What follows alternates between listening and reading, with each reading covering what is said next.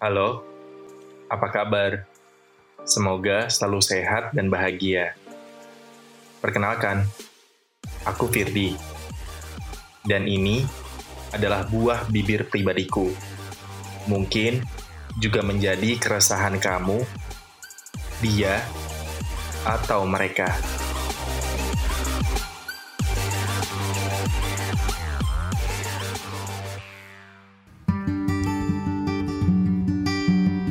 Halo semuanya, terima kasih mau buang waktu kamu buat dengerin aku di Buah Bibir.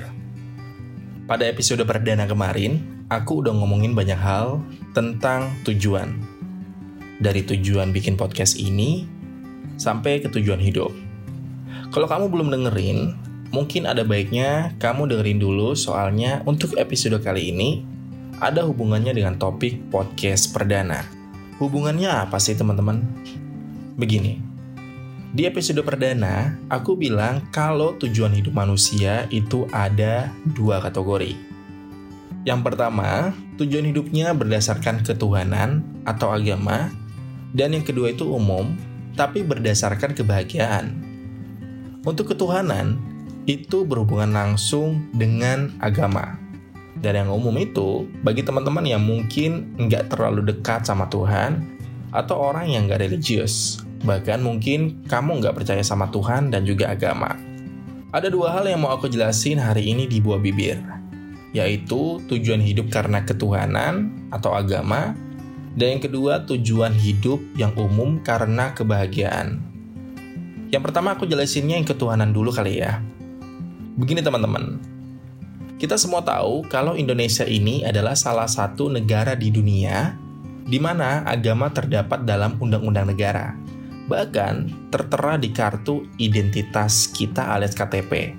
Tapi yang ngebingungin ya, agama bukan landasan hukum negara Indonesia. Beda sama negara-negara lain yang menjadikan agama sebagai landasan hukum. Jadi, rakyatnya harus hidup sesuai dengan hukum agama yang berlaku. Atau kita juga bukan negara yang seperti negara-negara yang menghapus agama dari hukum negara mereka.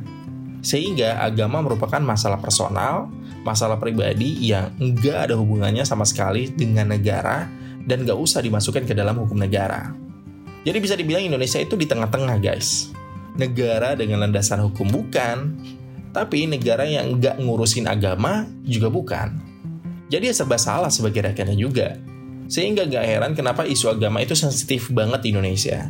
Karena ya tanggung gitu negara bebas agama bukan, negara dengan landasan hukum agama juga bukan. Ngomongin negara dengan landasan hukum agama, ada dua hal yang menjadi dasar kenapa suatu negara memasukkan masalah agama ke dalam permasalahan kenegaraan mereka. Faktor utama yang aku lihat adalah karena sistem negara tersebut. Kebanyakan sistem kerajaan dalam suatu negara itu mengatur masalah keagamaan. Contohnya, kayak kerajaan Inggris yang menjadikan Anglikan atau gereja Inggris sebagai landasan hukum negara. Bisa juga kerajaan Thailand yang menjadikan agama Buddha sebagai landasan negara. Atau negara tetangga kita juga yang lainnya seperti Malaysia dan juga kerajaan Brunei yang menjadikan Islam sebagai landasan negara.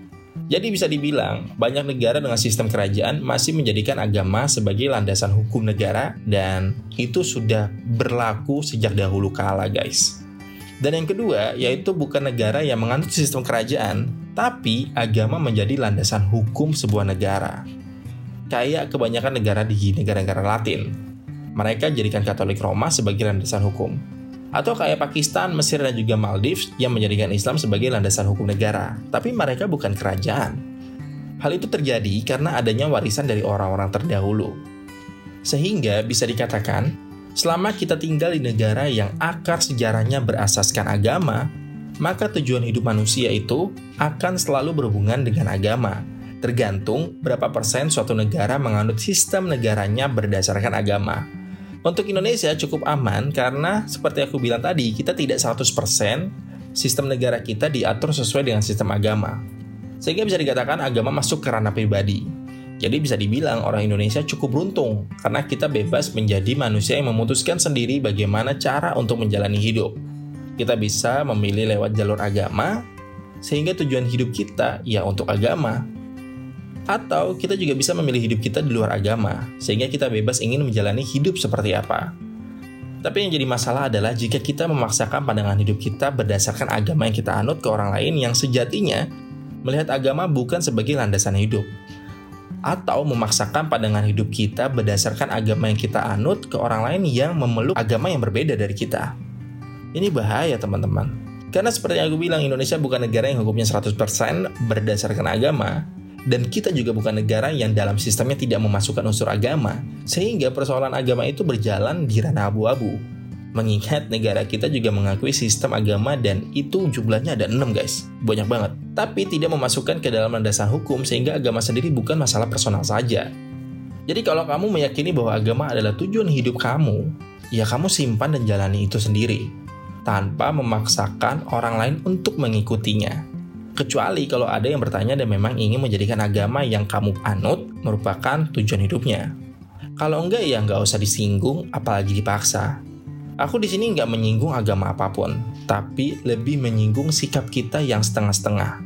Wajar sih kalau kita bersikap setengah-setengah karena dari tadi aku udah bilang negara kita sendiri pun setengah-setengah dalam masalah agama. Kalau emang mau memasukkan agama ke dalam sistem negara, ya kenapa nggak seutuhnya gitu loh, kayak negara-negara lain. Atau kalau emang agama masalah personal, kenapa masalah agama masih diatur ke dalam undang-undang? Jadi wajar sih kalau isu agama ini sering menjadi sumber perpecahan kita.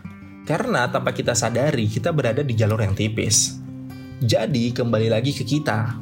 Agar negara Indonesia ini bisa tentram dan damai, mulailah dari kita untuk tidak mengusik, mempermasalahkan, mengolok-olok, menyinggung agama lain kita juga nggak boleh nih memaksakan pemahaman kita terhadap keyakinan yang kita anut kepada orang lain. Kecuali orang itu memang datang ke kita dan tanya-tanya tentang keyakinan kita anut. Atau mau belajar sama kita tentang agama yang kita anut. Kenapa? Karena seperti yang aku bilang tadi, Indonesia bukan negara yang berasaskan agama. Sehingga rakyatnya bebas ingin menjalankan hidupnya seperti apa. Lewat agama kah atau enggak? Tapi agama secara nggak langsung masuk ke dalam sistem negara. Sehingga masalah agama bagi sebagian orang itu penting dan masyarakat juga harus memahami itu. Jadi sebagai rakyat yang baik, menurutku kita harus bisa tegas terhadap diri sendiri. Kalau mau bertuhan, ya bertuhanlah yang benar. Jalankan asas ketuhanan kalian dengan yang benar juga. Jangan setengah-setengah. Serta tolong hargai sesama kalau nggak mau jadikan Tuhan sebagai tujuan hidup, ya silakan aja. Tapi jangan mempengaruhi, bahkan mengolok-olok dan menghina orang yang beragama, apalagi menghina agama yang dia anut. Karena ini bisa menjadi sumber pecahnya persaudaraan rakyat Indonesia, teman-teman. Oke, itu tadi permasalahan pertama yang ingin aku bilang, yaitu agama atau Tuhan sebagai tujuan hidup kita. Nah, yang kedua, kalau bukan Tuhan yang menjadi tujuan hidup kita, Ya seperti yang aku bilang tadi, kalau nggak mau jadikan Tuhan sebagai tujuan hidup, ya silakan aja. Tapi jangan mempengaruhi, bahkan mengolok-olok dan menghina orang yang beragama atau agama yang dianut oleh orang itu. Selain itu, mentang-mentang hidup ini adalah untuk kebahagiaan, kamu jadi orang yang cuek dan gak pedulian. Maksudku buat kamu yang tujuan hidupnya untuk bahagia itu adalah kita mencari dan menyadari sumber kebahagiaan kita bukan hidup seenaknya yang penting happy, bahkan menghalalkan segala cara sampai merugikan orang lain. Kebahagiaan itu nggak sama dengan berbuat seenaknya jika berhubungan sama orang lain. Carilah kebahagiaan yang benar.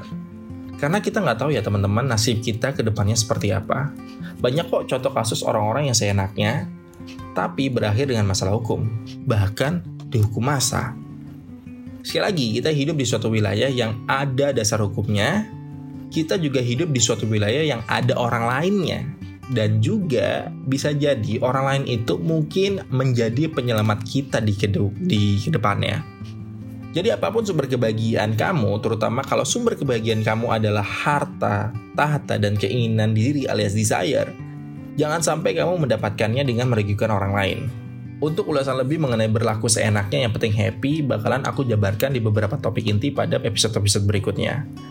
Cukup sih dari aku, tapi kalau emang kamu ngerasa bahwa apa yang aku sampaikan ini penting banget buat dibagiin orang-orang, silahkan share podcast ini atau ceritain ulang kepada mereka.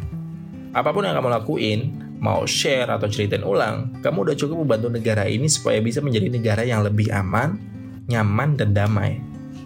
Kalau kamu punya hal-hal yang pengen kamu bahas di Buah Bibir, kamu bisa DM aku di Instagramku, Firditan. Terima kasih buat kamu yang dengerin dari awal sampai habis. Aku Firdi, pamit.